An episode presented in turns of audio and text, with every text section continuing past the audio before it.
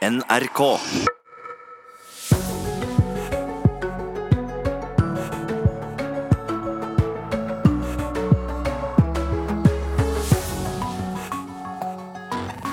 God morgen. Når skal de bli enige i USA, politikerne, sånn at statsapparatet kan eh, komme seg opp og stå igjen? I natt har Representantenes hus trosset Trumps eh, advarsler om et veto og gjort nye midlertidige budsjettvedtak eh, uten penger til grensemuren, som de kaller det, mot Mexico. Anoreksi dreper, det vet vi. Men gjorde moren til Angelica nok for å hjelpe datteren sin? Snart starter ankebehandlingen etter at den 13 år gamle jenta døde av avmagring. Den verste stormen i Thailand på 50 år er på vei. Vi får oppdateringer derfra.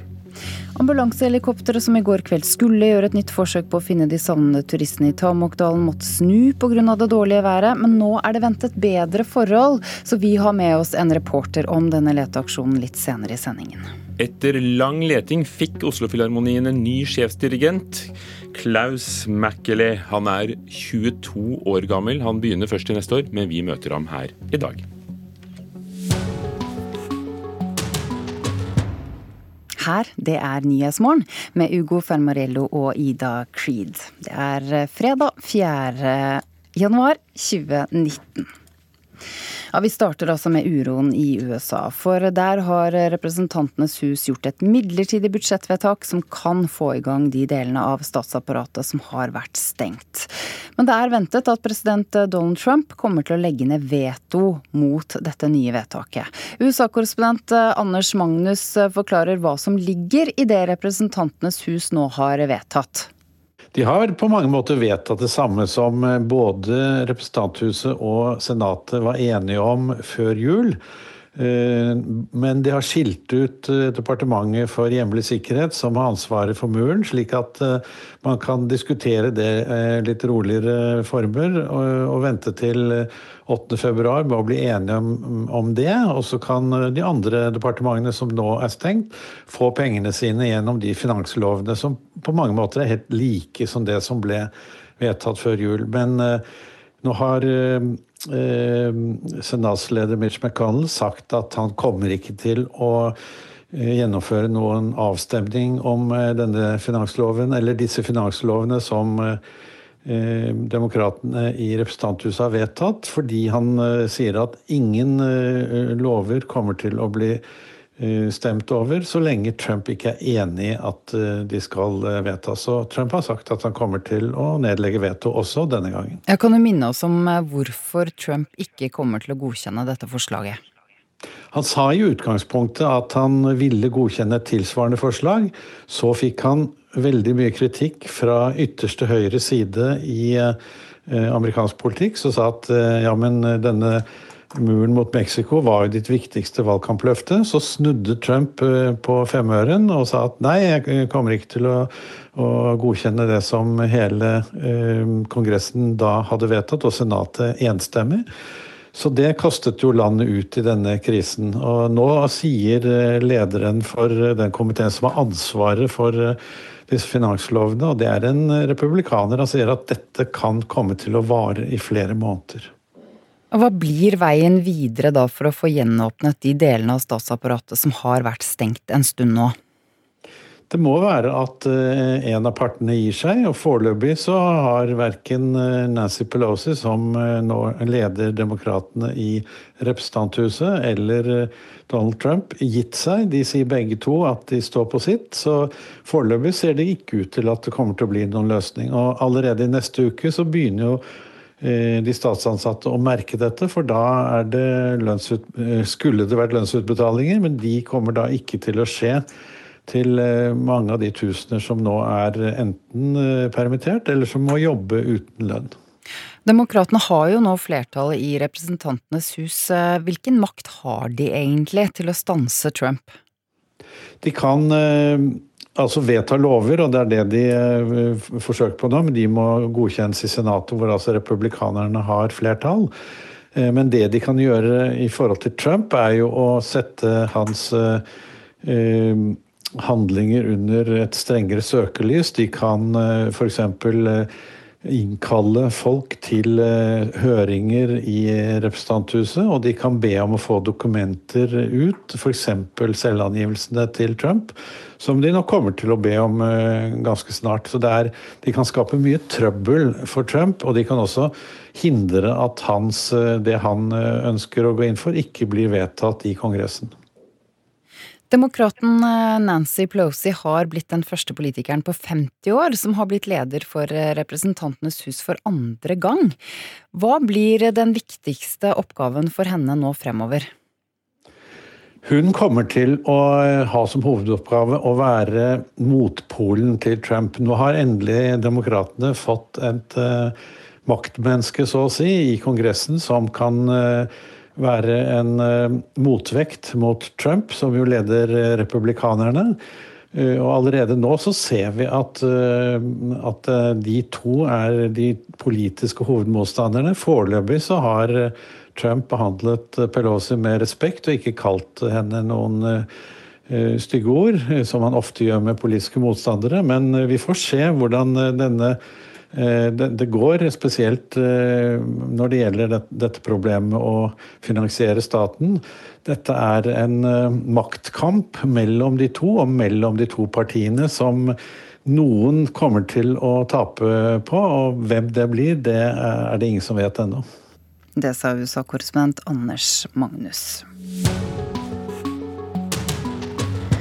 Om elleve dager starter ankesaken mot moren til 13 år gamle Angelica. Moren er tidligere dømt til tre år i fengsel for grov mishandling og omsorgssvikt etter at datteren hennes døde av avmagring på en hytte i Valdres. I Eidsivating lagmannsrett vil det bli ført færre vitner enn i tingretten. Da får vi mer fokus på det vi mener saken gjelder. Det sier statsadvokat Arne Ingvald Dymbe. 15.1 skal Eidsivating lagmannsrett behandle den såkalte Valdres-saken, der ei mor står tiltalt for grov mishandling og omsorgssvikt. I tingretten ble kvinnen dømt til tre års fengsel etter at hennes 13 år gamle datter Angelica ble funnet avmagret og død på en hytte på Beitostølen nyttårsaften 2015. Da handlet også en stor del av rettssaken om jentas oppvekstvilkår og skolegang i Bærum, og det ble bl.a. framsatt påstander om mobbing. Nei, Når det gjelder visførsel bevisførsel knytta til mobbing, så har påtalemyndigheten hele tiden ment at det ikke er eh, så relevant for saken. Og eh, det har også da lagmannsretten vært enig i. Hele 25 vitner er fjernet fra den opprinnelige vitnelista på 75 personer. I en e-post til NRK skriver forsvarer Åsmund Olav Sandland at det er enighet om å spisse bevisførselen. Kvinnen har hele tiden nektet straffskyld, og var også den som anket dommen. Under siste dagen i tingretten var forsvareren tydelig på hva han mente. Jeg reagerer på at det er reist tiltale i det hele tatt. Ja. Anoreksien dreper, eh, slik som den er gjort i dette tilfellet. Tidligere har rettssaken blitt avbrutt flere ganger pga. den tiltaltes helsesituasjon. Derfor gjør man tilpasninger. Vi får en spesialist eh, på um, diabetes til stede med Sunt forklarer seg. Og um, at det blir et, rom i bakkant hvor hun kan følge forhandlingen på skjerm. Reporter Alexander Nordby.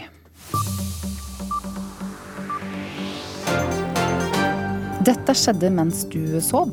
I USA har Representantenes hus gjort et midlertidig budsjettvedtak som kan få i gang de delene av statsapparatet som har vært rammet av nedstengning, shutdown som de kaller det. Det er ventet at Trump kommer til å legge ned veto mot det nye vedtaket, som han har gjort tidligere. Nikkei-indeksen falt over 3 eh, av Tokyo-børsen åpnet for årets første handledag i dag. I Hongkong fortsatte også nedturen fra dagen før. Da endte nemlig um, Dow Jones-indeksen i New York ned 2,8% mens hovedindeksen på den teknologitunge Nasdaq-børsen falt 3% Markedet er påvirket negativt av Apples melding om sviktende salg av iPhone, særlig i Kina. Teknologiselskapet hadde sin tyngste dag på børsen på sju år og falt nesten 10 i går. Noen eksperter mener markedet er mettet på Apple-produkter, mens andre frykter at dette kan være starten på en ny og mer varig varig tilbakegang i verdensøkonomien. For hvis ikke Apple lenger kan øke inntjeningen, hvem kan? er spørsmålet som stilles. USA sender en handelsdelegasjon til Kina for å snakke sammen. på mandag og tirsdag neste uke. Samtalene blir det første direkte møtet mellom de to landene etter at president Donald Trump og president Xi Jinping ble enige om, at, eh, om det de har kalt en våpenhvile i handelskrigen. Dette får du vite mer om hvis du følger med på NRK Nyheter utover dagen. Det som kan bli den verste stormen på 50 år, er på vei over Thailand. Våre reportere er på plass og følger med. Det er ventet mer trøbbel på Vestlandet etter at nye ferger som er bestilt, ikke har kommet. Etter at 13 fergeavganger mellom Halhjem og Sandvikvåg innstilt, ble innstilt onsdag og i går, så er ytterligere fire avganger innstilt i dag. Så dette får du nok høre mer om utover dagen, ja. Nå blir det fotball her i Nyhetsmorgen. I går kunne nemlig Rosenborg presentere Eirik Horneland som sin nye hovedtrener på sine hjemmesider, et halvt år etter at Kåre Ingebrigtsen fikk sparken fra klubben. Etter offentliggjøringen har Hornelands nåværende arbeidsgiver Haugesund beskyldt trønderne for å gå bak ryggen på dem. NRKs eh, fotballekspert eh, Morten Morisbakk Skjønsberg mener prosessen i RBK-korridorene fremstår som rotete. Ja, det har vært en veldig rotete prosess. Jeg syns jo timingen på sparkingen av Kåre Ingebrigtsen var rar. Spillerne syntes den var veldig rar. Det ble bråk med spillerne som ønsket han tilbake. Og siden så har det vært eh, forsøk på å hente nye trenere som har takket nei.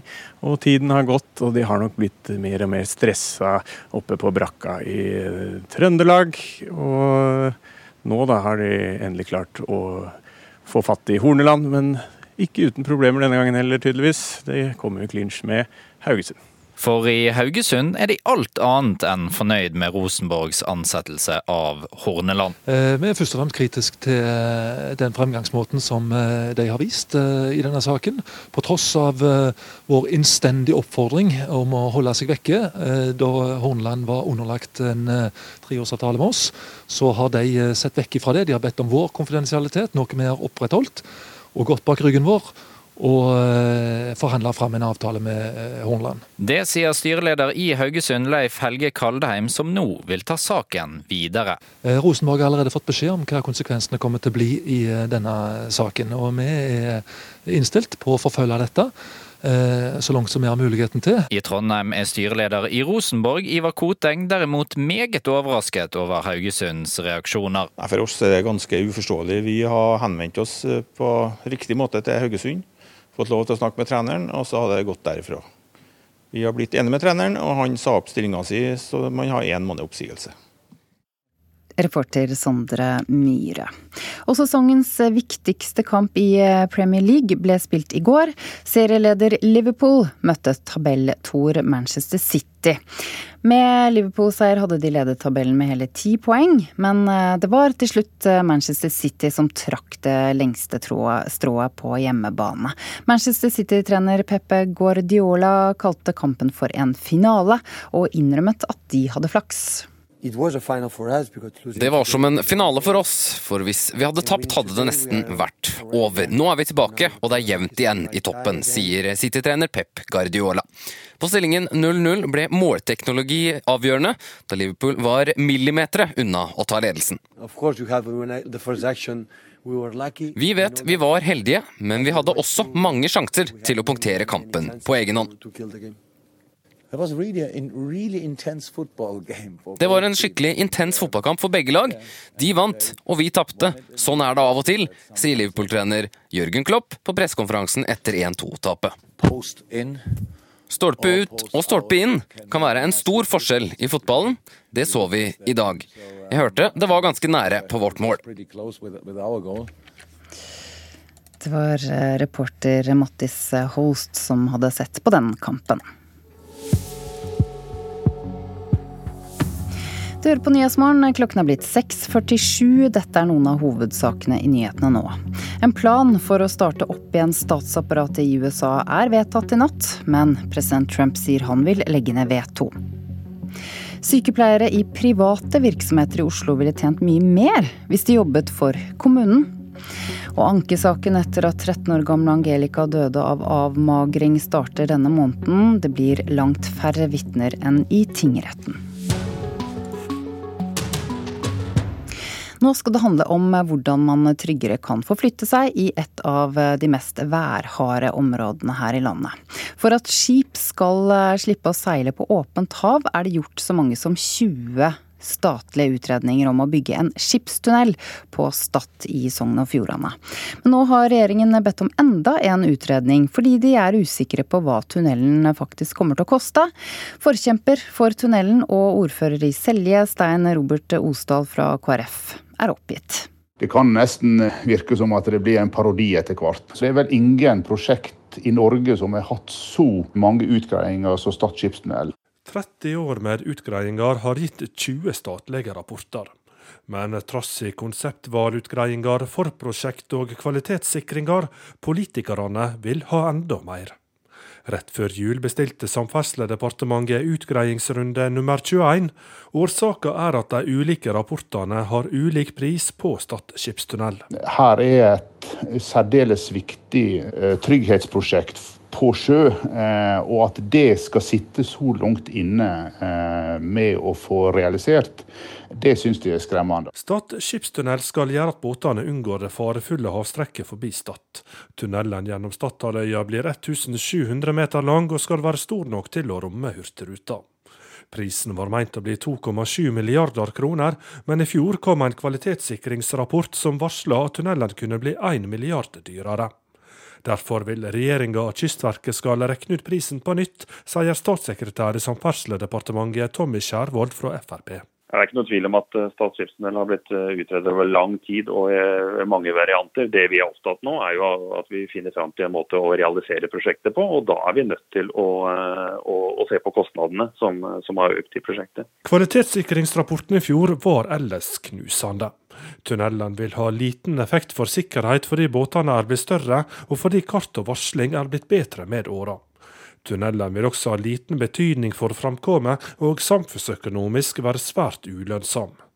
Men regjeringa vil likevel bygge tunnelen, bare den kan bygges til billig nok. KS2-rapporten eh, viser eh, vesentlig lavere samfunnsnytte enn det vi opprinnelig hadde. Men det er klart for flertallspartiene så er det Stad skipstunnel et viktig prosjekt. Det er viktig for skipstrafikken langs kysten og det regionale næringslivet. Eh, så vi er opptatt av å finne, finne løsninger og se hvordan man eh, kan realisere prosjektet. I Kystverket gjør de seg nå klare til å lage rapport nummer 21. Den skal være ferdig 15.6. Likevel tror prosjektleder Terje Andreassen at den nye rapporten vil inneholde få overraskinger, og at prislappen blir om lag som Kystverket tidligere har varsla, nærmere 3 milliarder kroner. Ja, Vi står jo inne for det forprosjektet vi, vi sjøl har eh, fått utarbeidet. Det gjør vi. Altså Det kostnadsøkninga viser til, er en, en annen måte å vurdere eh, usikkerheten i prosjektet, først og fremst. Og også en del eh, i de basiskostnader. Tilbake i Selje er Stein Robert Osdal lite nøyd. Han frykter politikerne utsetter prosjektet fordi de ikke våger å ta en avgjørelse. For meg så handler det litt om å tørre å ta en bestemmelse. Reporter Asgeir Heimdal Reksnes. Som du kanskje har lagt merke til, det er eh, januarsalg overalt, og mange butikker eh, presser prisene så hardt at de faktisk selger en del varer med tap. Direktør i Virke faghandel, bror William Stende, tror mange forretninger kommer til å bukke under i denne harde konkurransen. Ja, jeg tror vi får uh, at både kjente store kjeder og små frittstående kommer til å, å, stenge dørene også nå i 2019 som vi går inn i. Vi ser da siden 2008 og til og med 2016 så forsvant 10% av norske butikker. I enkelte bransjer så var det helt opp i 14% av butikkene som forsvant. Det er hard konkurranse, spesielt mellom de som selger elektronikk eller sportsutstyr. Ikke bare må de konkurrere mot hverandre, men også mot de som spesialiserer seg på nettsalg. Det er forventa at netthandelgiganten Amazon kommer til å etablere seg i Norge i løpet av få år. De tilbyr medlemskap til kundene, som f.eks. gir gratis frakt. Bror Stende i Virke tror butikkene må tenke nytt for å klare seg. Jeg tror veldig mange fysiske butikker eh, klarer å ta i bruk ny teknologi, optimalisere kundeopplevelsen, gi utmerket service og kanskje tilleggstjenester som gjør at det blir attraktivt å oppsøke butikkene. Skal du på eh, nyttårssalg nå? Ja, det skal jeg vel. Hva er du på jakt etter da? Mest klær, det er det jeg trenger. Nei, da har jeg ikke noe salgsmann, så jeg, jeg er ikke på noe nyttårssalg. Kjøper du kanskje mest på nett? Nei, litt på nett, eh, men mest i butikk. Eh, det er ikke planen, i hvert fall. Hvorfor ikke det? Eh, jeg har det meste jeg trenger, og alt som selges nå, det er ting som skal ut. Så da kommer det nytt. Så da vil jeg heller kjøpe det. Ja, det var reporter Ola Helnes som var i Bodø sentrum og snakket med folk på gata til slutt eh, her. Oslo-filharmoniens nye sjefdirigent eh, ble kalt vidunderbarn, Ugo Fermanello. Kanskje ikke så rart, fordi han er 22 år gammel når han nå skal bli sjefdirigent eh, til neste år. Han er dirigent, altså, og cellist. Og på det spørsmålet om hvordan det var å bli kalt vidunderbarn, sa han til Aftenposten jeg er finsk, vi sier ikke stort om slikt. Ja, I kveld så står han på podiet og gir en forsmak på hva publikum har i vente. Og det gjør han med Beethoven i Oslo konserthus. 22-åringen mener flere på hans egen alder har godt av klassisk musikk i livene sine.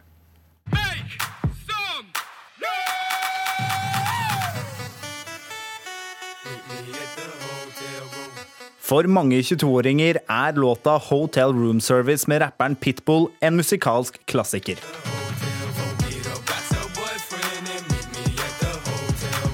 Men for 22-åringen Klaus Mackele er klassisk musikk en mer bokstavelig affære.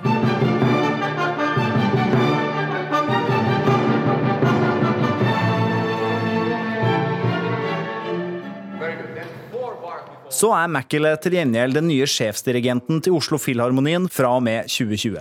I kveld gir han en forsmak på hvordan det blir, med en fremføring av Beethovens symfoni nummer 9 på Oslo konserthus. 22-åringen sier at han helt siden syvårsalderen har vært en større hund etter Beethoven enn Pitbull. It's just something which speaks to me very directly. Uh, and I think it's, I mean, it's always, when it comes to art or anything in life, it's, it's a matter of taste, of course, as well. And I think any music which is done with quality and care is, is something I really respect. Mackele sier også at flere av hans jevnaldrende kan ha godt av mer klassisk musikk i livene sine. I en tid der alt går fort, gir klassisk musikk et etterlengtet pusterom fra hektiske og tilkoblede liv, sier 22-åringen. Overall, in, in our times now where everything is very quick, people are very busy, uh, and the concentration levels are going down. Culture is, is basically the total the opposite, which brings us these values which last, uh, and that's something really valuable. Mackele er heller ikke den eneste 20-åringen på vei opp innenfor klassisk musikk. I fjor dirigerte norske Tabita Berglund, som er 29 år gammel, det prestisjetunge BBC Philharmonic Orchestra, orkesteret til den britiske rikskringkasteren. Prosjektleder i klassisk musikk Einar Itzøe Eidsvåg i Music Norway syns det er gøy at yngre krefter finner tonen med Europas største orkestre. Mitt inntrykk er at uh, innenfor klassisk så er det mange eldre menn. Og uh, det er ikke som de hopper over et generasjonsledd og går for de veldig unge. Så kanskje det de får igjen av mangel på hva skal man si, erfaring, er jo masse pågangsmot og energi. Jeg syns det er veldig modig og tøft av de å gjøre det. Jeg støtter det.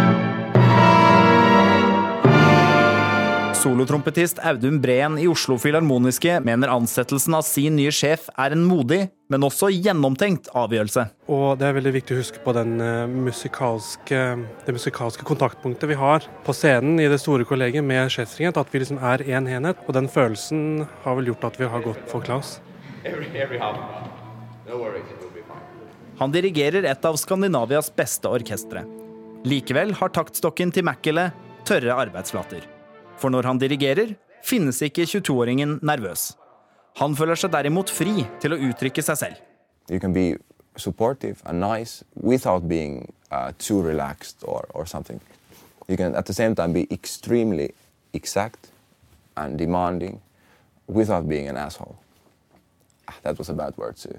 No, no, Yeah. absolutely not.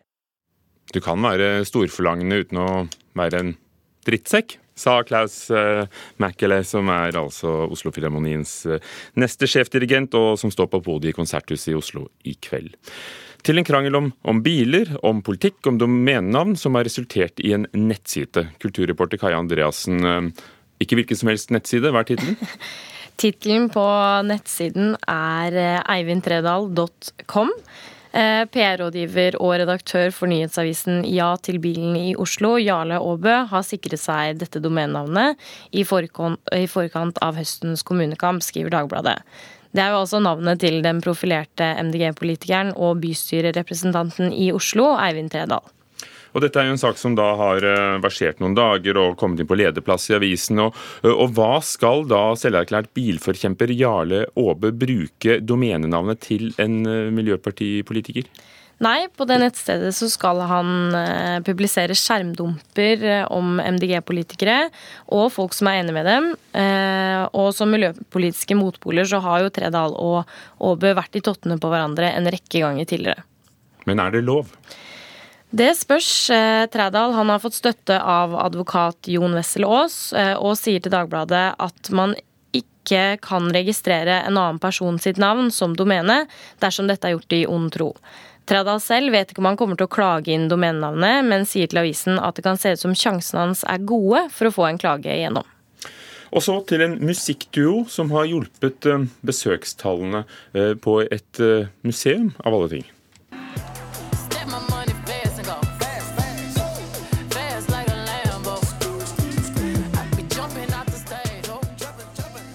Hva har eh, Jay-Z og Beyoncé å gjøre med, med Louvre, et av verdens aller største museer i Paris? Eh, musikkvideoen til Apeshit av JC Jay-Z og Beyoncé, som nå kaller seg The Carters, som du hørte her, den ble filmet i eh, Louvre.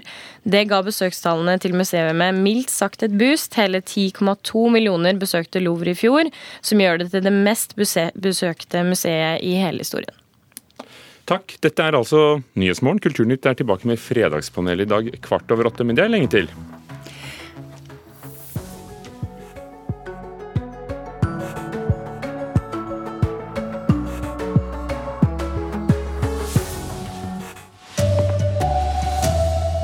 Plan for å åpne opp at statsapparatet i USA vedtar, men eh, president Trump vil legge ned veto. Ankesaker etter at 13 år gamle Angelica døde av avmagring, starter denne måneden, og det blir langt færre vitner enn i tingretten. Her er NRK Dagsnytt klokka sju. I USA har representanthuset i Kongressen vedtatt en plan for å gjenåpne deler av statsapparatet som er stengte, uten å gi penger til muren som president Donald Trump vil bygge mot Mexico. Men vedtaket blir trolig ikke noe av, sier korrespondent Anders Magnus. Senatsleder Mitch McConnell, som er republikaner, har sagt at han vil ikke ta noe opp til avstemning som han vet Trump kommer til å nedlegge veto mot. Og Foreløpig så har Trump sagt at dette forslaget kommer han ikke til å godkjenne. Hvorfor eh, vet jeg eh, er noe de vet ikke blir noe av? Fordi eh, demokratene er eh, veldig opptatt av å vise at det er ikke de som vil hindre at statsapparatet skal få penger. De har med dette vist at de ønsker å få statsapparatet i gang igjen. Det er penger her. De har vedtatt en lov som sørger for det. Foreløpig så er det vel egentlig ingen som ser noen noen løsning hvis ikke en av partene gir seg, og det er det ingen av dem som sier at de kommer til å gjøre. 15.1 starter ankesaka mot mora til 13 år gamle Angelica. Mora er dømt til tre år i fengsel for grov mishandling og omsorgssvikt etter at dattera døde av avmagring på ei hytte i Valdres, men anker dommen. I Eidsivating lagmannsrett vil det bli ført færre vitner enn i tingretten. Da får vi mer fokus på det vi mener saken gjelder. Det sier statsadvokat Arne Ingvald Dymbe. I tingretten ble kvinnen dømt til tre års fengsel etter at hennes 13 år gamle datter Angelica ble funnet avmagret og død på en hytte på Beitostølen nyttårsaften 2015. Da handlet også en stor del av rettssaken om jentas oppvekstvilkår og skolegang i Bærum, og det ble bl.a. framsatt påstander om mobbing. Nei, Når det gjelder visførsel bevisførsel knytta til mobbing, så har påtalemyndigheten hele tiden ment at det ikke er eh, så relevant for saken. Og eh, det har også da lagmannsretten vært enig i. Hele 25 vitner er fjernet fra den opprinnelige vitnelista på 75 personer. I en e-post til NRK skriver forsvarer Åsmund Olav Sandland at det er enighet om å spisse bevisførselen. Reporter Alexander Nordby. Også i dag er det flere fergeavganger på E39 Hordaland mellom Halhjem og Sandvikvåg som er innstilte. Det gjelder avgangene fra Sandvikvåg klokka 11 og 12.40 og fra Halhjem 10.10 og 15.10. Årsaken er at det nye driftsselskapet, Torgaten Nord, ikke har fått de nye fergene og har derfor leid inn ferger, og ei av de innleide fergene har fått tekniske problem. NRK Dagsnytt, Vidar Eidhammer.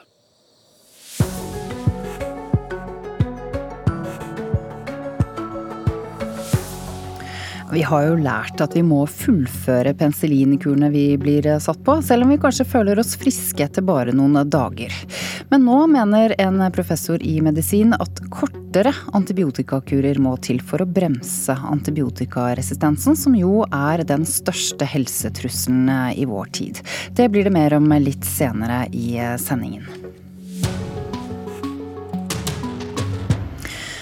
Men først, fortsatt eh, er det ingen livstegn fra de fire savnede skiløperne som er fryktet tatt av skred ved Blåbærtinden i Balsfjord i Troms. I går kveld forsøkte et helikopter med skredsøkerutstyr å fly over rasstedet, men eh, det måtte snu pga. dårlig vær. Reporter Nils Meren i Balsfjord, hva var det egentlig som skjedde? Ja, Det var ambulansehelikopteret ambulansehelikoptre som da skulle ta fra Tromsø for å fly inn. Som du sier, det var dårlig vær og de måtte gi opp. Samtidig, eller Litt tidligere så skal et Bell-helikopter fra Forsvaret også ha måttet gi opp etter å ha prøvd å ta seg inn i området rundt uh, uh, dette fjellet.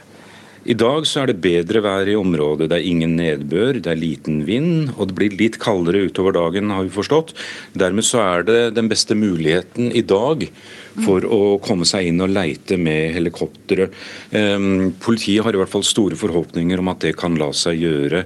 Det som er eh, viktig her, er å komme seg ganske langt ned mot bakken, slik at man kan gå inn med en slik uh, søker, sonde, sonar, for å søke på disse um, senderne som uh, disse fjellturistene hadde. Uh, da må man være ganske tett på bakken, mm. kanskje et par-tre meter over bakken, må ha god sikt og ikke muligheter for å virvle opp snø fra rotorene. Det er det som har vært eh, problemet her, bl.a. da de gjorde et uh, slikt søk uh, for et par dager siden. Mm. Men ja, det, blir det så bra vær i dag at det er mulig å sende inn folk på bakken, tror du? Det er det kommet skredeksperter til. Um, Olsrud gård, hvor, som er like nedenfor dette rasstedet, de er på stedet. De skal gjøre sånne vurderinger for å hjelpe politiet med å ta en avgjørelse om det lar seg gjøre å sende folk inn. Vi hørte jo fra en kjentmann i går at det henger en svær skavl overfor eh, rasstedet. Slik at eh, det i seg selv kan gjøre det risikabelt å sende fotfolk inn for å, for å leite. Men det er nok det som må til da, for å finne disse fire personene dersom de er i raset. Og Det vil i så fall igjen være en kjempejobb, fordi at jeg har forstått det slik at dette raset er 700 meter langt, det er 300 meter bredt. Og det er store snømasser, og alt ettersom hvor disse ligger da i raset, så vil det være en formidabel innsats som må til for å kunne både søke og grave dem ut av, av raset, hvis de ligger der, da. Er det noen uh, muligheter for å finne disse i live nå? Dersom de er i raset, så tror jeg nok, uh, og basert da på hva helsefaglig personell har sagt, at, at håpet nok er ute det svinner jo fra minutt til minutt, blir det jo sagt. Og nå har det jo gått to døgn nesten før um, eh, dette, siden dette skjedde. Og, ja. Men så har jo da pårørende også kommet til, eh, til Troms. da. De kom i går og ble tatt imot i Tromsø av både den svenske og finske eh, konsulen. Og Ordføreren i Balsfjord, Gunda Johansen, sier at de har stilt hele sitt eh, beredskapsapparat til disposisjon for å kunne ta seg av eh, de pårørende på best mulig måte eh, når de kommer. Og Det jeg forstår, er at de da kanskje vil opp til denne Olsrud gård for å se hvor dette her har skjedd. Og Så får vi da også håpe at sikten blir bedre, slik at det er mulighet for å kunne gjøre disse søkene i dag. Takk til deg, reporter Nils Meren med fra Balsfjord. Nesten alle sykepleierne i private NHO-bedrifter i Oslo ville tjent mer hvis de jobbet for kommunen. Det viser en lønnsundersøkelse Sykepleierforbundet har gjort i Oslo. En av dem som fikk hakeslepp da hun så denne sammenligningen, er sykepleier Nilem Kumari Kausal. Misbrukt, rett og slett. Jeg føler meg misbrukt, rett og slett. Men litt dum også når man setter seg litt tilbake og tenker over alt det. Det, det er ikke det at jeg ikke har visst om de, de forskjellene, men at det skulle være en så stor forskjell. Jeg syns det er ganske mye penger. Det sier Nilem Kumari Kausal. Hun har vært sykepleier i 18 år og trives godt på private Kantarellen bo- og rehabiliteringssenter på Mortensrud i Oslo. Likevel har hun fått et lite sjokk. Jeg føler meg veldig dum. Da, da kollegaen min fortalte om den eh, forskjellen, så tenkte jeg å herregud, så dum jeg er. Hvorfor har jeg brukt så mye tid her? Nilem Kumari Kausal ville tjent minst 60 000 kroner mer i året på sin 80% stilling om hun jobbet i Oslo kommune. Det viser Sykepleierforbundets sammenligning for Oslo. Jeg har litt også trodd på dette her med at det er en del som tjener veldig bra i det, i det private i forhold til det kommunale, men det er i hvert fall ikke riktig. Line Orlund er fylkesleder for Sykepleierforbundet i Oslo, og har sjekket NHO-ansatte medlemmers lønnsopplysninger etter at partene i høst kranglet mye om lønninger under streiken og lockout-varselet. Det som forundrer mest, er at det er så utrolig gjennomgående mye dårligere betalt. Og at det er liksom mange, det er ikke bare noen få, det er liksom mange som ligger mellom 75 og 130 000. Og det er så store summer. Det er liksom sånn, du blir litt sånn eh, når du tenker over hva folk kan gjøre med de summene, og hvor mye forskjell det ville gjort for sykepleierne. Sykepleierforbundets Oslo-undersøkelse i NHO-bedrifter viser at 95% av de 154 vanlige sykepleierne ville tjent mer på samme jobb i kommunen. Det tilsvarer 146 sykepleiere, etter at grunnlønnen i NHO-bedriftene er sammenlignet med minstesatsene for sykepleiere i Oslos sykehjemsetat. I gjennomsnitt ville de tjent over 60 000 kroner mer på samme type jobb i kommunen. Det gjelder på årsbasis, for hel stilling, og skyldes både høyere minstelønninger og bedre lønn for ansiennitet i kommunen. NHO Service og Handel mener det er et poeng at selv om sykepleierne i Oslo tjener best i kommunen, er bildet ute i landet motsatt. Der er det NHO-bedriftene som lønner best. Åtte av de 154 sykepleierne tjener mer i NHO-bedriften enn i Oslo kommune. I gjennomsnitt tjener de 13 000 kroner mer enn i kommunen. Og lederen i Norsk Sykepleierforbund, Eli Gunhild By, hilser kartleggingen velkommen men hun er forundret over de store forskjellene mellom NHO-bedrifter og kommunen. Nå har vi jo fått eh, fakta på bordet, og det viser jo at forskjellene er store. En vanlig sykepleier tjener altså opptil 138 000 mindre enn om hun hadde jobba i tilsvarende virksomhet i Oslo kommune. Det her har vi jo hatt mistanke om. Eh, det Oslo-kontoret i Norsk Sykepleierforbund har gjort, er jo at de har samla tall som vi har nå, fra de medlemmene våre der. Og det er jo fakta og tall som er større enn det jeg hadde eh, tenkt, i hvert fall. Reporter eh, Hedvig Bjørgum. Om litt over en halvtime er det Politisk kvarter. Eh, dere skal ikke diskutere lønn eh, blant sykepleiere, egentlig, men eh, dere skal diskutere barnefattigdom, programleder Bjørn Myklebust. En annen viktig sak.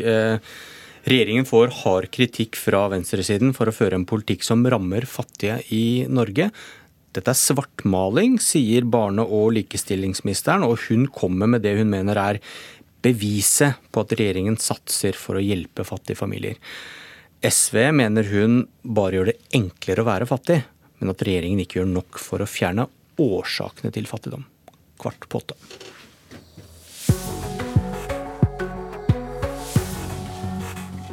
Nå er klokken 11 minutter over sju. Det er Nyhetsmorgen du hører på med disse hovedsakene. En plan for å starte opp igjen statsapparatet i USA er vedtatt i natt, men president Trump sier han vil legge ned veto. Sykepleiere i private virksomheter i hovedstaden ville tjent mye mer hvis de jobbet for kommunen. Også i dag er flere fergeavganger på E39 Hordaland mellom Halhjem og Sandvikvåg innstilt. Grunnen er eh, at det nye driftsselskapet ikke har fått de nye fergene. Folk i Thailand forbereder seg på en storm som kan bli temmelig kraftig i løpet av dagen. Det er også ventet veldig mye regn. Reporter Eivind Molde, hva er det som skjer akkurat nå? Ja, Evakueringa eh, har jo vært i full gang en god stund eh, allerede, og pågår for fullt eh, nå i dag. Og flere tusen mennesker har reist fra øyene utenfor sørøstkysten av Thailand i løpet av faktisk de siste dagene. Men, men det er jo eh, blitt eh, flere og flere nå i løpet av eh, gårsdagen og i dag som er blitt evakuert. Folk venter og er selvsagt spent på hvor kraftig dette uværet vil bli. Og styresmakten i en av provinsene har oppfordra folk til å komme seg unna før veiene blir, blir stengte.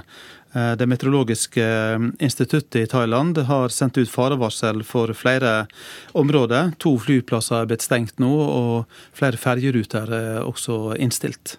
Det kan bli den eh, verste stormen på 50 år, er det meldt på forhånd. Kommer uværet til å ramme turistområdene? Vi vet jo at det er veldig mange nordmenn der også for tiden. Ja da, den, den kommer til å gjøre det, altså. Meteorologene sier at stormen kan ramme rundt 15 provinser i den eh, sørlige delen av eh, Thailand. Og det inkluderer også områder som er veldig populære reisemål for eh, turister, som Phuket og Krabi, som jo ligger på vestsida av Thailand. Og flere øyer på østsida, altså ute i Thailandbukta, som f.eks. Koh Tao. Hvor alvorlig kan dette bli? Ja, eh, det kan jo eh, Du var jo inne på det at det kan bli en av de kraftigste på rundt 50 år. altså Det kan bli eh, Altså i 1989 da var det en veldig kraftig storm som rammet Thailand, og 400 mennesker mistet livet. Går vi tilbake til 1962, så omkom 900 mennesker i en tropisk storm. Og nå, Denne gangen så er det venta at det kan bli bølger opp i fem meters høgde og vind på rundt 80 km i timen. og og, alt, og, og, denne stormen vil trolig komme inn over området i løpet av kvelden lokal tid. Mm. Dette følger vi med på. Takk, reporter Eivind Molde. Da skal vi til britisk politikk, og da skal det handle om brexit. Eh, for lederen for det britiske arbeiderpartiet Labour, Jeremy Corbyn, er på kollisjonskurs med sine egne partimedlemmer i eh, dette spørsmålet om eh, brexit. En ny, en ny spørreundersøkelse viser at et stort flertall av Labour-medlemmene ville stemt for å bli i EU ved en eventuell ny folkeavstemning, i motsetning til Corbyn, som vil ut av EU. Et stort flertall vil også ha en ny folkeavstemning om brexit. Jan Erik Mustad, høyskolelektor ved Universitetet i Agder, velkommen til Nyhetsmorgen. Ja, takk for det. Hva sier dette om ståa for Labour? Nei, Det sier vel at uh, der er en viss avstand, uh, hvis vi skal tro på denne undersøkelsen, mellom partiets grasrotmedlemmer uh, og partiledelsen. Vi har jo alltid visst at Jeremy Corbyn har vært skeptisk til EU. det har vi visst helt fra, fra 70-tallet. Og at han kanskje ønsker, personlig iallfall, og som politiker, en brexit-løsning. hvor Storbritannia går ut eventuelt uten en avtale. Det er ikke det som bekymrer han så mye. Men vi vet at denne grasrotbevegelsen. Den største av de heter Momentum. Og der er det over 90 eh, ifølge denne rapporten som støtter eh, remain, altså å forbli i EU. Så Det betyr jo at, at, her er det en betydelig avstand, hvis vi skal tro på den rapporten, mellom grasrota, som faktisk stemte inn Jeremy Corbyn som Labour-leder ved to anledninger de siste årene, eh, og partiledelsen. Ja, Corbyn er jo kontroversiell, men eh, hvor alvorlig vil du si at dette er for ham? Det får ikke noen umiddelbare konsekvenser. Corbyn har alltid eh, sagt at eh, Labour ønsker en, et nytt valg, først og fremst. Det spekuleres i om Labour vil stille mistillit mot mer i regjeringen hvis ikke det avtaleforslaget som ligger på bordet går igjennom nå i januar, altså dette brexit-kompromissforslaget som ble utsatt i Underhuset for avstemning om å stemmes over nå før 21.1. Eh, der, der ligger en del eh, føringer for Corbyn her i forhold til å eventuelt stille mistillit eh, mot Theresa May, hvis dette ikke skulle komme gjennom Underhuset, som det ser ut som det ikke gjør for øyeblikket. Men de, de sitter på været, hvis de kan si det sånn, eller ligger på været og venter på en, en god mulighet for eventuelt å stille mistillit. fordi at de må jo være nokså sikre på at de eventuelt kan vinne et parlamentsvalg òg, da. Ja, Labour ligger to prosentpoeng foran det konservative partiet de siste meningsmålingene. Det forspranget er vel ganske lite? Ja, og det er forsvar begge veier her. Så, så, i en sånn situasjon så er det normalt at opposisjonspartiet ligger vesentlig lenger foran eh, det sittende regjeringspartiet. Og hvis vi tenker at det har vært så såpass turbulente år for eh, den konservative regjeringen, eh, helt egentlig fra 2015, da David Cameron vant og Teresa May så vidt klarte å, å skrape sammen en regjering i 2017, så burde opposisjonspartiet være flere hestehoder foran enn det Labour er. Og i noen meningsmålinger er sågar de konservative størst. Så dette er nok òg en av grunnene til at han sitter litt på gjerdet, Jeremy Corbyn, akkurat nå, for å se hva slags utvikling som kommer i forbindelse med dette kompromissforslaget. Underhuset begynner å debattere denne fremforhandlede brexit-avtalen i neste uke, og den skal opp til avstemning uken etter. Hva tror du kommer til å skje? Nei, Vi tror vel det samme som vi trodde før jul, at eh, det foreløpig ikke ligger an til at regjeringen vil få flertall eh, for denne avtalen. Dette er den eneste avtalen som ligger på bordet, det har både EU og Storbritannia sagt. Eh, så Det betyr jo at vi ser rundt forbi i Storbritannia, i Nord-Irland, Wales, Skottland og England, så forbereder en en utgang av EU uten en avtale. Så får vi eventuelt se om, om det blir en mistillit, en ny folkeavstemning, eh, et nytt parlamentsvalg, eh, eller kanskje eh, endog en utsettelse av artikkel 50. At en eventuelt ønsker mer tid til å prøve å finne en løsning, selv om EU har sagt at denne avtalen er den som ligger der, og at ikke det er mulig å forhandle den. Ja, du er nok med oss snart igjen. Takk i denne omgang, Jan Erik Mustad, høyskolelektor ved Universitetet i Agder. I Ungarn vil opposisjonen eh, ta opp igjen eh, tråden før, fra før jul, og de arrangerer derfor en ny demonstrasjon i eh, Budapest i morgen lørdag. I går sa opposisjonspartiene at de ville gjøre 2019 til motstandens år mot den nasjonalkonservative statsministeren Viktor Orban. Europakorrespondent Guri Nordstrøm, kan du minne oss på hvorfor de demonstrerer i Ungarn? Ja, det de særlig protesterer mot, er to nye lover som nylig er innført. Det ene er en arbeidslov som gjør det mulig for arbeidsgiver å pålegge arbeidstakere å jobbe 60% mer overtid i året. Som i praksis da vil si 400 timer overtid. Samme lov gir også arbeidsgiver mulighet til å vente med å betale denne overtiden i tre år og demonstrantene kaller da dette for en slavelov. Og Den andre omstridte loven som er innført, er at myndighetene vil sette opp en ny domstol som skal dømme i saker som dreier seg om valgloven og korrupsjon. Denne domstolen skal legges direkte under justisministeren og strider dermed med maktfordelingsprinsippet om at domstoler skal være uavhengig av politisk styring. Hvor sannsynlig er det at demonstrantene får gjennomslag?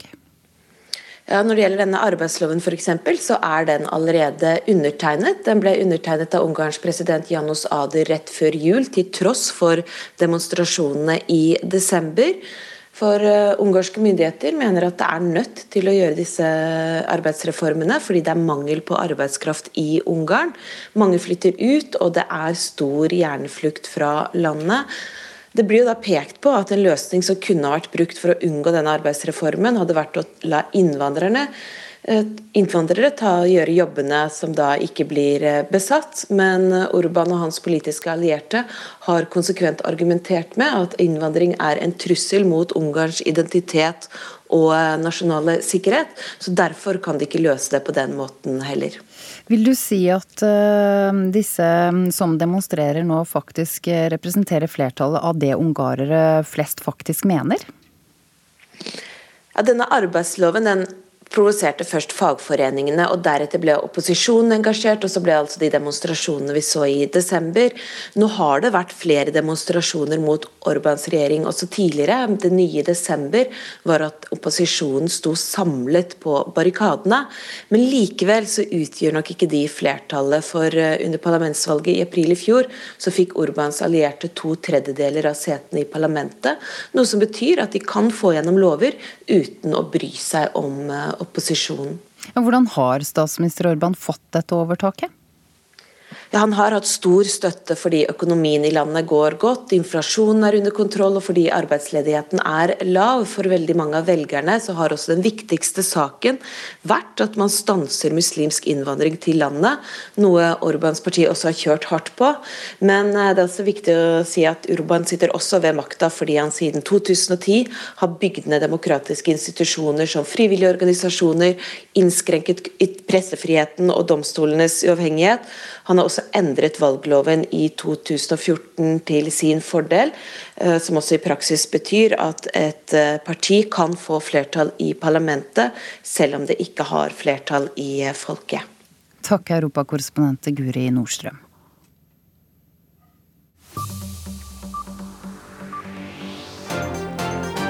Dette skjedde mens du sov.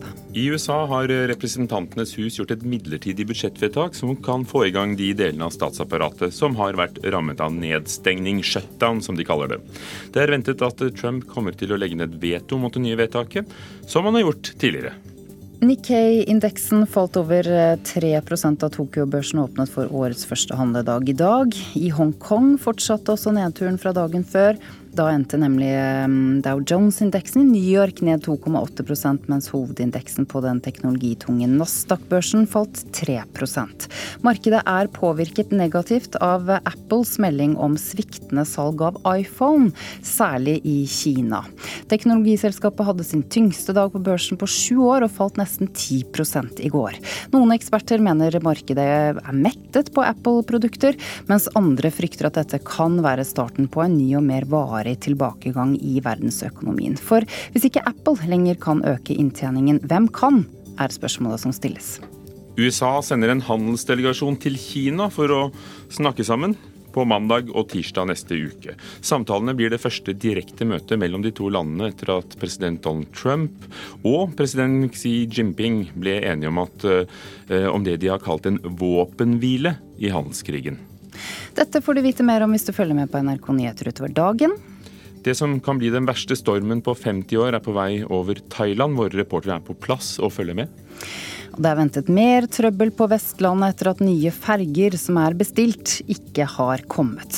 Etter at 13 fergeavganger mellom Halhjem og Sandvikvåg innstilt, eh, ble innstilt onsdag og i går, så er ytterligere fire avganger innstilt i dag. Så dette får du nok høre mer om utover dagen, ja.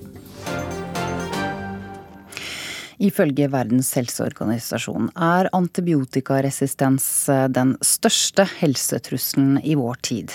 Og i alle år så har jo vi lært at det er veldig viktig å ta hele kuren med antibiotika, selv om man føler, seg frisk, kanskje bare etter noen dager. Men nå sier professor i medisin Dag Berli at kortere antibiotikakurer må til for å bremse antibiotikaresistens. Berlid mener det er på høy tid å få bukt med myten om at du skal fullføre fullføre penicillinkuren etter at du har blitt frisk? Det er loddrett løgn. Dess lengre du behandler, dess mer resistens er det. Men det mest tragiske er at vi leger ikke har stilt spørsmålstegn tidligere med den myten. For det er å bli en myte. Medisinprofessor Dag Beril har via store deler av karrieren sin til kampen mot antibiotikaresistens. Han kjemper for å unngå skrekkscenarioet, at antibiotika skal miste effekten for kommende generasjoner. Et viktig virkemiddel for å få til dette er kortere kurer, mener han. Nå er det faktisk en krise over hele verden med, med antibiotikaresistente bakterier. Og en forskers viktigste oppgave er på en måte å sette spørsmålstegn ved etablerte sannheter.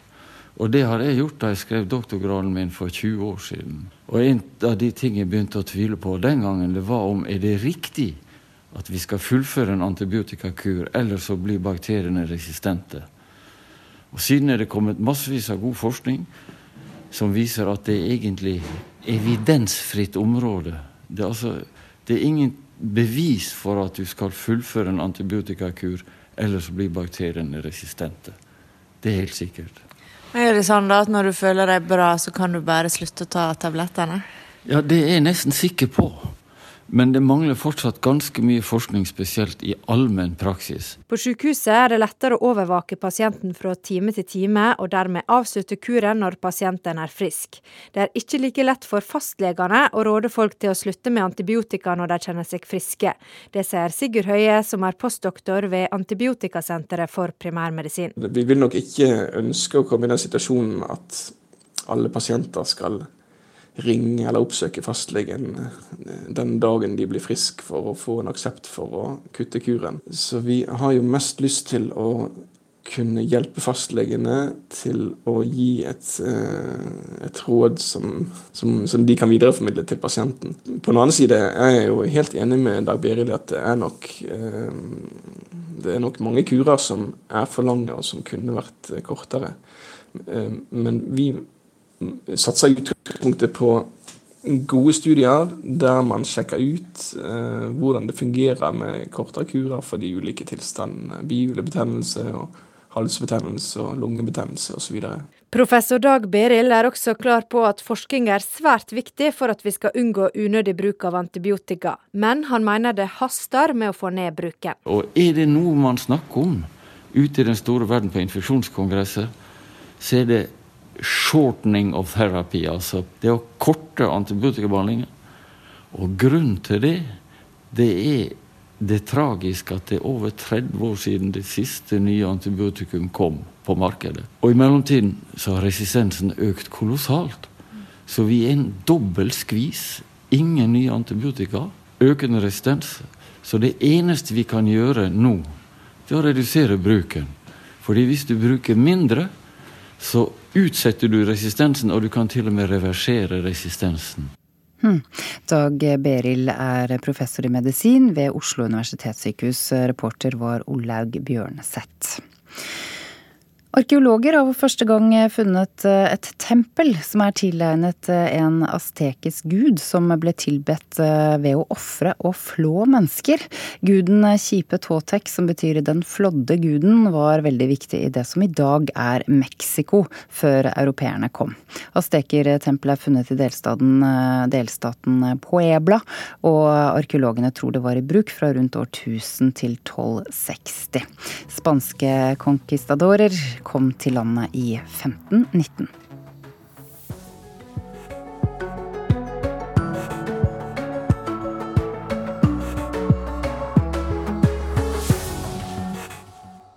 NRK P2. Hva skjer dersom vi år etter år får en ekstrem sommer? We are fighting the fake news. It's fake. Bompengedemonstrasjonene her til lands har spredt seg. Hvis boligprisfallet nå er over, er det bra eller dårlig? Kan vi reise til Iran? Tørre enn før fylle tankene med diesel. Sommertid og vintertid. Skal vi slutte med dette nå? Det vi snakker om. NRK P2. Politiet vil på nytt prøve å starte en leteaksjon etter de savna skiløperne i Troms i dag. Regjeringa vil ha utgreiing av Stad skipstunnel for 21. gang. Det virker som en parodi, sier ordfører. Virke frykter konkurransen fra netthandel vil føre til flere butikkonkurser i år. Her er NRK Dagsnytt klokka 7.30. I dag vil politi og redningsmannskap prøve å gjøre nye søk etter de fire savna skituristene i Troms. Tre finske menn og ei svensk kvinne har vært savna siden onsdag ettermiddag, og politiet tror de er tatt av skred. I går kveld prøvde et helikopter å fly over rasstedet med skredsøkeutstyr, men måtte snu grunnet uvær. Reporter Nils Meren i Balsfjord, hvordan ser det ut med tanke på leiting i dag? Ja, Det er meldt eh, bedre vær, det er ikke meldt nedbør og lite vind. og Dermed så er det altså større mulighet for at man skal kunne komme inn med helikopter for å søke. Vi har store forhåpninger, sier politiet til oss, for å komme i gang. Og Dette er også viktig for de pårørende som kom til eh, Troms i går for å følge dette arbeidet og håpe om å få ut sine kjære fra fjellet, Blåbærfjellet, som er ca. 1442 meter høyt. Og dette raset det gikk i 1000 meters høyde og er eh, enormt. Det er 700 eh, meter langt og 300 meter bredt. Det er usikkert på om det kan komme folk inn og leite i området, fordi det skal visstnok henge en stor skavl der oppe, sier eh, lokalkjente. Slik at det har kommet skredeksperter inn hit også for å vurdere og hjelpe politiet å gjøre denne vurderingen om det lar seg gjøre å sende mannskaper inn til fots. Men først og fremst så håper man på at kan søkes da med helikopter. Og de må gå ganske lavt for å kunne få registreringer fra sonarene, eller senderne som eh, disse skituristene har. Og da må man ha god sikt. Takk skal du ha, reporter eh, Nils Meren eh, i Balsfjord. Til nå er det gjort 20 statlige utgreiinger om Stad skipstunnel, syner en gjennomgang NRK har gjort for de siste 30 åra. Nå har regjeringa bedt om enda ei utgreiing, fordi de er usikre på hva tunnelen faktisk vil koste. Forkjemper for tunnelen og ordfører i Selje, Stein Robert Osdal, er oppgjeven. Det kan nesten virke som at det blir en parodi etter hvert. Så Det er vel ingen prosjekt i Norge som har hatt så mange utgreiinger som Stad skipstunnel. 30 år med utgreiinger har gitt 20 statlige rapporter. Men trass i konseptvalutgreiinger, forprosjekt og kvalitetssikringer, politikerne vil ha enda mer. Rett før jul bestilte Samferdselsdepartementet utgreiingsrunde nummer 21. Årsaka er at de ulike rapportene har ulik pris på tunnelen. For meg så handler det litt om å tørre å ta en bestemmelse. Stad skipstunnel skal gjøre at båtene unngår det farefulle havstrekket forbi Stad. Prisen var meint å bli 2,7 milliarder kroner, men i fjor kom en kvalitetssikringsrapport som varsla at tunnelen kunne bli 1 milliard dyrere. Derfor vil regjeringa at Kystverket skal regne ut prisen på nytt, sier statssekretær i Samferdselsdepartementet Tommy Skjærvold fra Frp. Det er ikke noe tvil om at eh, Stad skipstunnel har blitt eh, utredet over lang tid og mange varianter. Det vi er opptatt nå, er jo at vi finner fram til en måte å realisere prosjektet på. og Da er vi nødt til å, eh, å, å se på kostnadene som, som har økt i prosjektet. Reporter Asgeir Heimdal Reksnes. I USA har representanthuset i Kongressen vedtatt en plan for å gjenåpne deler av statsapparatet som er stengte, uten å gi penger til muren som president Donald Trump vil bygge mot Mexico. Trump sa før nyttår nei til budsjettplanene fordi han ikke fikk løyvingene, og det har ført til at flere institusjoner har stengt grunnet pengemangel. Senatet vil trolig ikke røyste over det nye forslaget, og det blir derfor ikke vedtatt, sier korrespondent Anders Magnus. Senatsleder Mitch McConnell, som er republikaner, har sagt at han vil ikke ta noe opp til avstemning som han vet Trump kommer til å nedlegge veto mot. Og Foreløpig så har Trump sagt at dette forslaget kommer han ikke til å godkjenne. Så det er tvilsomt om det kommer så langt som til Senatet. Hvorfor vet jeg det er noe de vet ikke blir noe av? Fordi eh, demokratene er eh, veldig opptatt av å vise at det er ikke de som vil hindre at eh, statsapparatet skal få penger. De har eh, med dette vist at de ønsker å få statsapparatet i gang igjen. Det er penger her. De har vedtatt en lov som sørger for det. Og de har også sørget for at den mest kontroversielle delen av finansloven, nemlig det som omhandler Departementet for hjemlig sikkerhet, hvor muren ligger under, den har de nå tatt ut av de andre finanslovene og eh, laget en egen lov eh, som skal vare fram til 8.2, slik at man kan finansiere dette departementet fram til da, og i løpet av den perioden diskutere om man skal gi mer penger til muren eller ikke. Men heller ikke det vil republikanerne gå med på. Hva kan være løsninga på budsjettkrisa?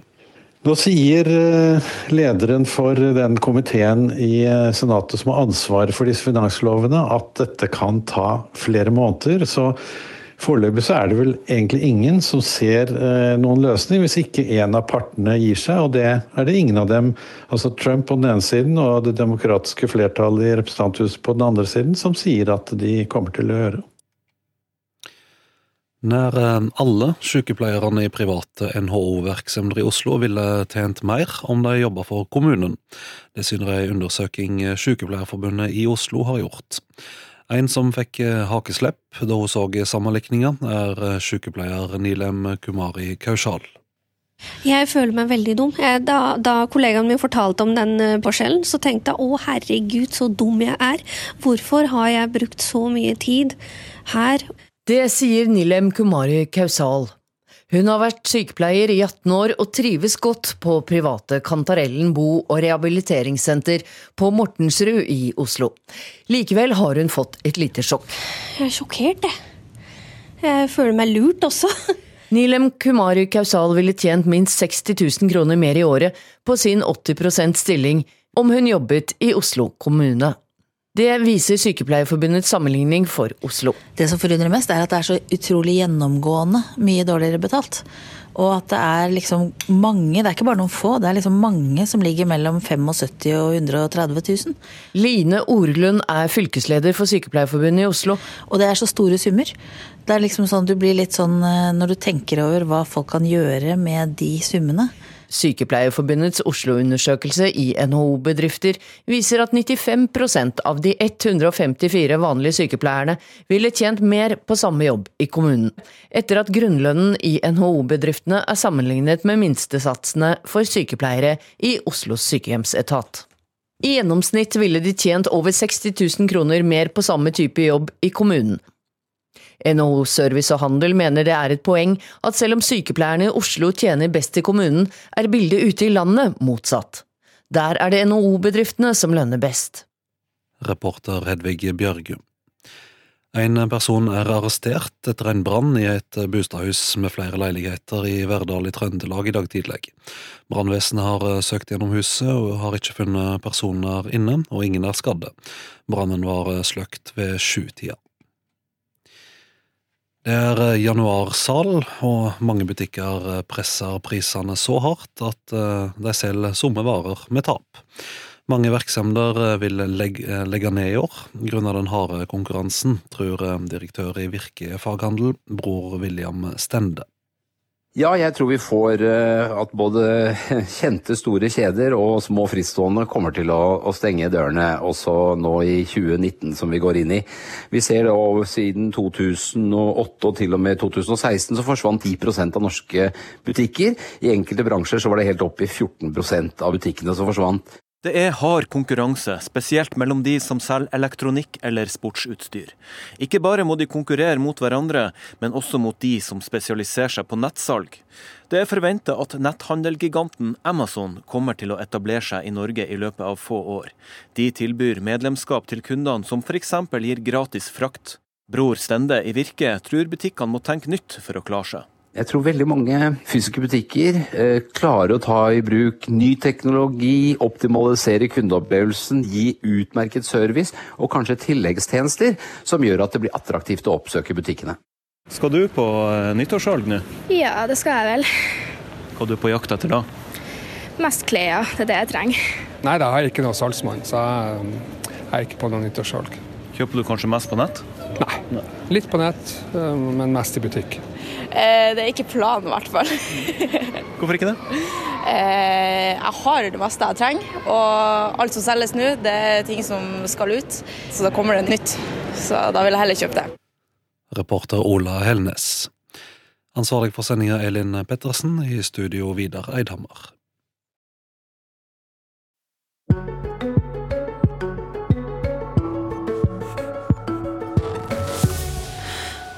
Du hører på Nyhetsmorgen. Folk i Eikerbygden utenfor Drammen er eh, opprørt etter at en hest døde fordi noen fyrte av fyrverkeri for nært der hesten oppholdt seg, og for tidlig på kvelden. Dette skjedde altså på nyttårsaften. Fire hester sprang i panikk gjennom et gjerde før de stakk til skogs, der de fikk store skader på beina sine. Unghesten Martin vrinsker i båsen sin på stall Horgen i Hokksund. Der er det nå en tom plass. Den tilhørte dressurhesten Campao, som i går måtte avlives. Hendelsen har opprørt folk som bor i Eikerbygdene. Jeg syns det er helt grusomt. Jeg gråt når jeg leste det, og da var jo den flotte eh, hesten død. Og så begynner de med Den er jo ikke klokka tolv nyttårsaften. Det er jo to dager før. Mm. Toril Furuheim sitter i frisørstolen i Hokksund sentrum. Men syns, syns, du man burde ha prøvd å finne ut hvem det var som har gjort det? da? Ja, det syns jeg absolutt, for de snakker om det var 15 meter unna eller et eller annet. Er dette noe som alle snakker om i bygda her nå, eller? Ja, mange jeg har hørt, i hvert fall. Ja. ja. Mm. Du driver jo frisørsalongen her, liksom. Ja, mange som snakker om det. Ja. Veldig mange. Ja. Ja. ja. Du gråter nesten. Ja, jeg, du, ja det, jeg gjør det, for jeg syns det er så trist. På kafeen bortenfor sitter flere mennesker. Alle snakker om det som har skjedd med hestene. Ja, vi prata om det på jobben i stad, faktisk er fyrverkeri så gøy at det, så, at det skal gå så gærent, på en måte. Jeg blir eh, både lei meg og sinna når jeg hører om det, egentlig. Mest trist. Man kjenner jo at man blir helt på gråten når det er snakk om det. Det er så grusomt. Det ser du sikkert, og jeg blir helt ja. Du blir veldig rørt? Ja, veldig. Det var på ettermiddagen nyttårsaften det skjedde. De fire hestene sprang i panikk oppover i skogen, over steinurer og kratt, fullstendig skremt av fyrverkeri som ble fyrt opp for tidlig. Det gikk veldig galt, kunne hesteeier og stallsjef Sandra Birkeland fortelle. De hadde veldig store kutt og skader alle, på alle beina. Den ene slet vi med å få ned fra skogen. Den var så halvt. Vi klarte å få den ned, eh, men veterinæren måtte møte oss på veien, sånn at den fikk smertestillende og klarte veien videre tilbake til stallen. Hun sier til NRK at hun foreløpig ikke vil anmelde forholdet. Etterforskningsleder Øystein Kvernes i Sør-Øst politidistrikt sier de ikke kommer til å etterforske saken før det foreligger en anmeldelse. Ikke sånn som det ligger nå. Vi avventer eventuelt at det blir anmeldt forholdet. Mm. Men nå er jo dette en stor snakkis på bygda her, eh, og over hele landet egentlig. Burde ikke politiet gjøre noe da, og prøve å finne synderen? Vi, vi tar tak i den type saker hvis vi kommer over det. Klart, hvis vi ser at folk fyrer opp fyrverkeri ulovlig, så vil jo vi ta kontakt med dem. Men hvis det kommer en anmeldelse, kommer dere til å etterforske det da? Da, som jeg sa da, så vil vi vurdere innholdet i anmeldelsen, og så vil vi vurdere hva vi eventuelt gjør. Hvor alvorlig syns du at denne saken er? Nei, klart det her er jo en veldig tragisk sak. Eh, det er ikke noe tvil om det. Når det fører til at eh, når får den konsekvensen fikk den gangen her. Rakettene må bare avskaffes. Ja. Ferdig med det. Kan du tenke det? Ja, det er historie. Du blir sinna, rett og slett? Ja, jeg blir sinna. Mm. Jeg skjønner ikke at folk kan være så ubetenksomme å stå og sende opp raketter rett ved siden av en stall. Det er jo helt ja. Er det sånn, Hva mener dere bør skje nå, da? Det bør forbys. Private sender sende opp raketter. Og de som eh, fyrer fyrverkeri rett ved siden av stallen, det er veldig Jeg håper de får en smell, for å si det sånn. Det ja. håper jeg virkelig. Er det litt sånn lynsjestemning i bygda her nå, eller? Jeg vet ikke, for å være ærlig, men jeg kan tenke meg at det er det, ja. For, forby er det rakettoppskytinga. Den starter to dager før og holder på to dager etterpå. Det, det er tragisk. Helt tragisk. Det var eh, reporter Karoline Bekkelund Hauge som hadde vært i Hokksund.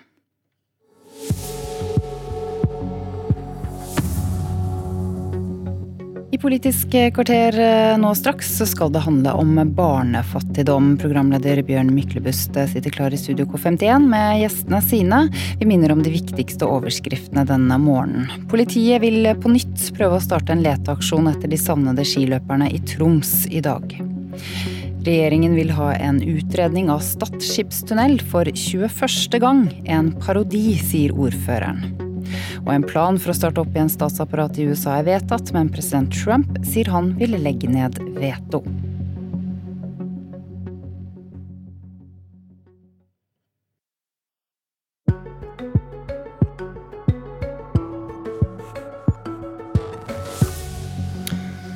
Regjeringen har tredoblet innsatsen for fattige barnefamilier, fra 100 millioner kroner til 312 millioner, sier barne- og likestillingsministeren. Hun mener derfor at venstresiden driver med svartmaling når de sier ting som 'regjeringen gjør fattige familier fattigere'. Velkommen til Politisk kvarter, barne- og likestillingsminister Linda Hofstad Helleland fra Høyre. Takk. Satsingen du altså mener motbeviser påstanden om at dere ikke gjør nok for å hjelpe fattige familier, heter Nasjonal tilskuddsordning mot barnefattigdom. Hva går de pengene til? Det går til å Eh, hjelpe barn som eh, lever i eh, lavinntektsfamilier i dag, for at de skal oppleve mindre fattigdom, at de skal ha mulighet til å være en del av barnefellesskapet. At de skal kunne være med på fritidsaktivitet. Det at de får én krav på en gratis fritidsaktivitet i uka. Det at de ikke skal stå på sidelinja og se at kompisene sparker fotball og ikke kan være med fordi at eh, mor og far ikke har råd til å betale leggskinn og årskontingenten på, på fotballaget.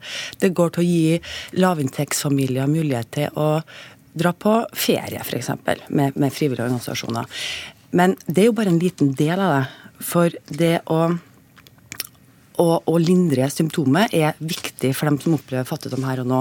Men det regjeringa er opptatt av, er jo å forhindre årsaken til at eh, flere barn lever i vedvarende lavinntekt. Men la oss, la oss, begynne med denne ordningen, for det var det dere da sendte oss som bevis på at uh, svartmalingen er eller at det er svartmaling å si at dere ikke satser for å hjelpe fattige barnefamilier. Og 312 millioner går til dette gode formålet neste år, men hvor mye ville du egentlig sett av til dette?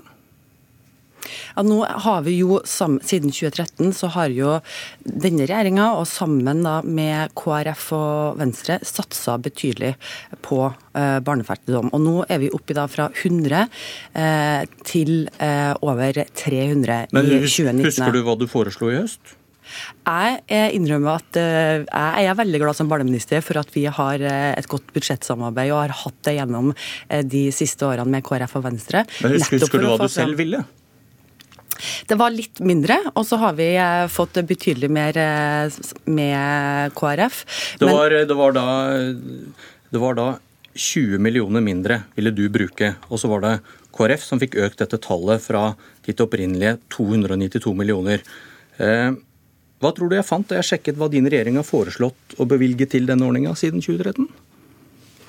Altså, vi har, eh, vi har hatt en god eh, satsing på eh, barn eh, som lever i familier med vedvarende eh, lavinntekt. På ikke bare nasjonale tilskuddsordningen, for det er bare en liten Men del det. Men nå hører jeg at du ikke svarer på spørsmålet. Hva tror du jeg fant når jeg sjekket hva Ja, du har har at- foreslått? Ja, Da eh, fant du at vi har eh, foreslått mindre enn det som budsjettforhandlingene til slutt endte opp med i Stortinget. Så- det er jeg veldig glad for. Og Men da må jeg over, også... over halvparten av økningen du nå skryter av, 126 millioner av dem, er det KrF og da kanskje Venstre utenfor regjeringen som har fått til. Eh, Så hvis du og regjeringen hadde fått viljen deres, så hadde det vært under 200 millioner kroner til dette formålet. Hvorfor mener du at dette formålet trenger mindre penger enn dere setter av nå? Nei, men Vi eh, gjorde en prioritering, eh, satte av de midlene. Veldig glad for at nettopp sånn som jeg understreka til deg i sted også, så fikk eh, KrF og Venstre kjempa inn en større satsing til den ordninga. Men hvorfor foreslår du det ikke selv? Gjennom disse årene så hadde det vært mye mindre penger til dette gode formålet hvis du hadde fått viljen din. Fordi også vi har satsa på en helt rekke andre tiltak. Så som du mener går det gis på- for mye, da? Nei, jeg er glad for den ordninga vi har nå, men like så viktig så er det å sørge for at eh, foreldre kommer i arbeid. Det er den varige eh, muligheten for folk til å komme ut av fattigdom. Men like så viktig så er jo det vi har gjort f.eks. på satsinga mer kunnskap i skolen. Ikke minst eh, bedre eh, og billigere barnehager. Eh, Bare la meg forklare. I 2019 nå så er det 45 000 barn som får gratis barnehagetid. Vi har prosjekter i flere store kommuner hvor fattigdommen er størst, med gratis kjernetid også i eh, SFO.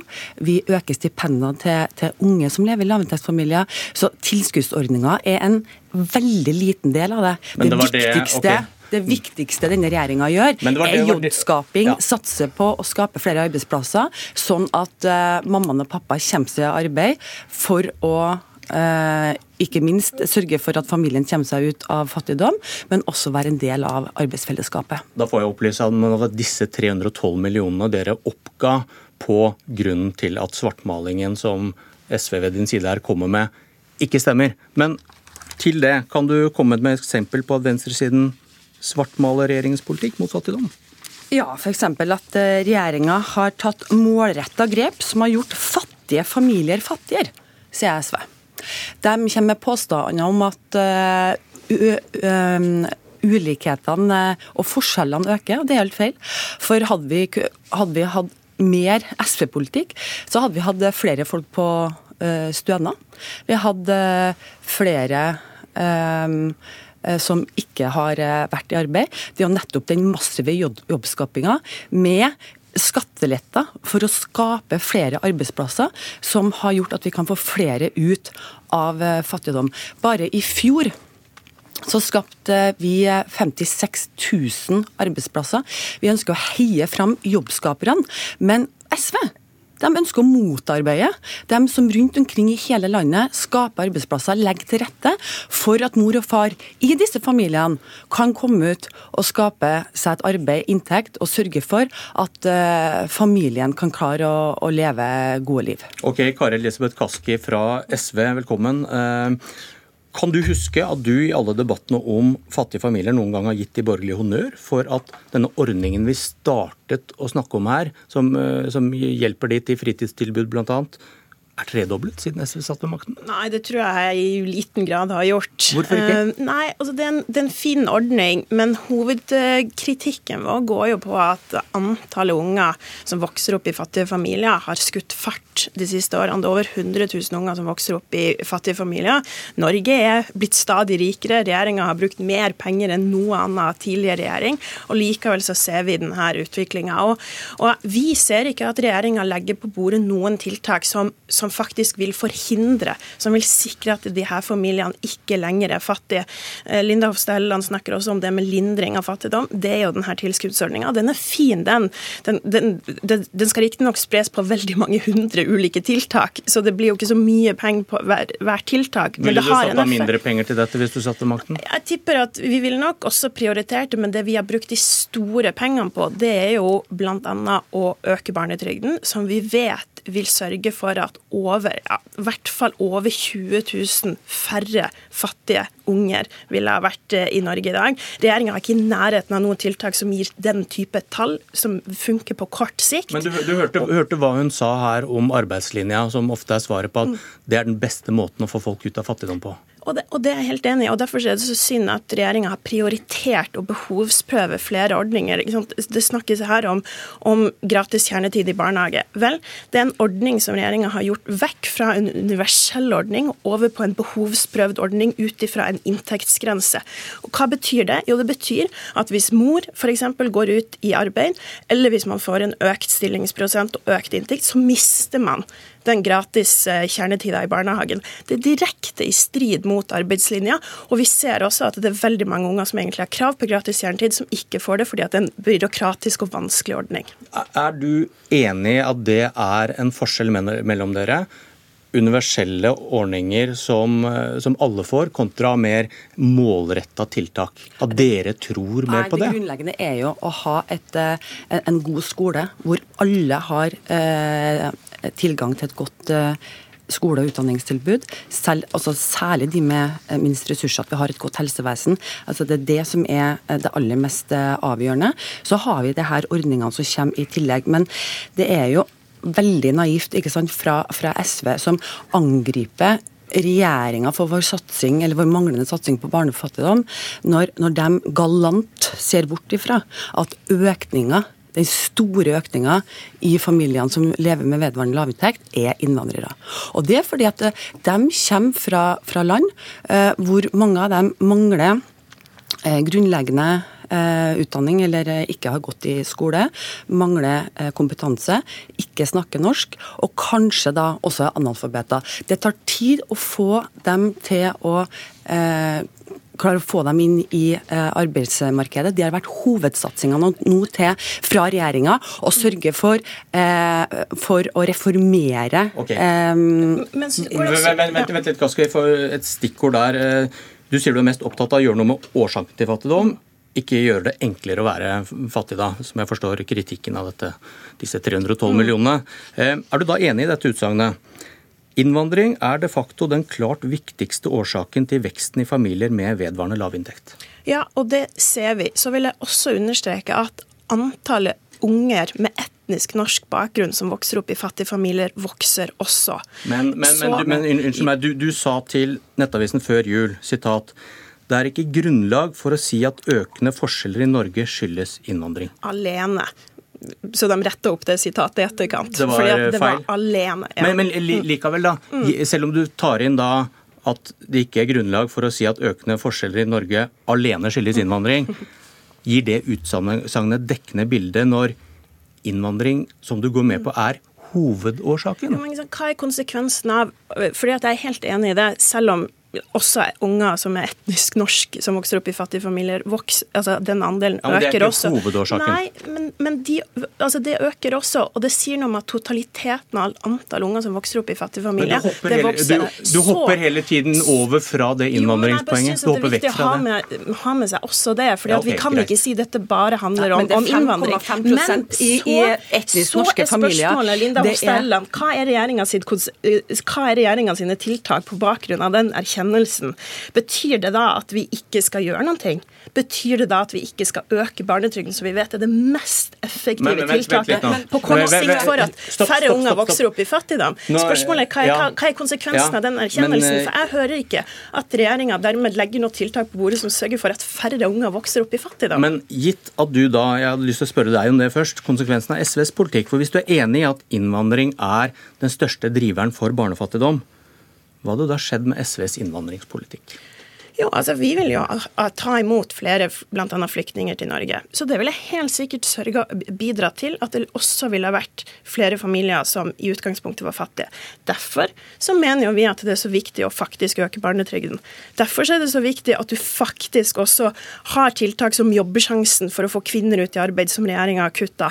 Derfor så er vi kritiske til regjeringa sin politikk i å kutte overgangsstønaden for enslige forsørgere, f.eks. eksempel, Som sørger for at enslige forsørgere kan, kan ta utdanning og komme seg ut i arbeid. Så politikken vår ligger jo fast. Og vi har en mer effektiv politikk for å sørge for at de her foreldrene både kommer seg ut i arbeid, bl.a. ved at vi går imot de behovsprøveordningene som holder folk utenfor arbeidslivet, og vi vil ha sørge for å øke barnetrygden, som faktisk er det mest effektive det, en, tiltaket. er det en ny erkjennelse når Kaski sier at SV-politikk vil føre til økt barnefattigdom, men vi vil gjøre noe med det når de først kommer inn? Ja, egentlig. Fordi at uh, det her er egentlig første gangen jeg hører at uh, SV tar konsekvensen av sin egen politikk, f.eks. med 5000 økte kvoteflyttinger til neste år, uten å gjøre noe for å legge til rette for at det skaper fleres flere arbeidsplasser, så vi får det her i arbeid. Eller uten å Vi vil jo akkurat å, å faktisk gjennomføre Nei, politikk for å få de ut i arbeid. deres politikk sørger nettopp for at flere kommer på trygd, flere kommer på stønad. det det gjør det. nei, Fordi ærlig det, her, talt. det er jo derfor vi har satt i gang en eh, gigantisk satsing nå eh, med, eh, og, eh, med inkluderingsdugnaden, nettopp for å få flere innvandrere i arbeid, lavere terskel ja, inn i arbeidslivet, Jeg- sørge for Jeg må få eh, smette et inn et spørs spørsmål til deg også. Skal man la være å hjelpe for å hindre fattigdom i Norge? Nei, absolutt ikke. Er det ikke det du sier? At eh, vi kan ikke ta imot så mange fordi det fører til Nei.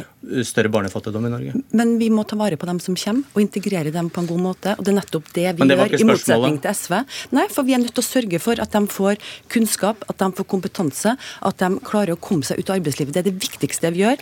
Eh, når det kommer f.eks. til syriske kvinner, de som kom fra 2015, ni av ti av syriske kvinner står utenfor arbeidslivet. Sju av ti somaliske kvinner. Og dere har Disse innvandrermammaene, dere nei, Jobbsjansen, innvandrermammaene er det har viktigste vi får, får ut i arbeid. Skal vi få barna ut av eh, barnefattigdommen, så må innvandrermammaene eh, og pappaene ut i arbeid. Og det jobber denne regjeringa med hver har eneste i dag. dere har kutta Jobbsjansen, dere har økt kontantstøtta, dere har innført behovsprøvde ordninger som holder folk utafor arbeidslivet. Erfaringa viser at deres politikk ikke funker. Ok, jeg hører musikk, og da må jeg takke for oss. Takk for et politisk kvarter. Jeg heter Bjørn Myklebust.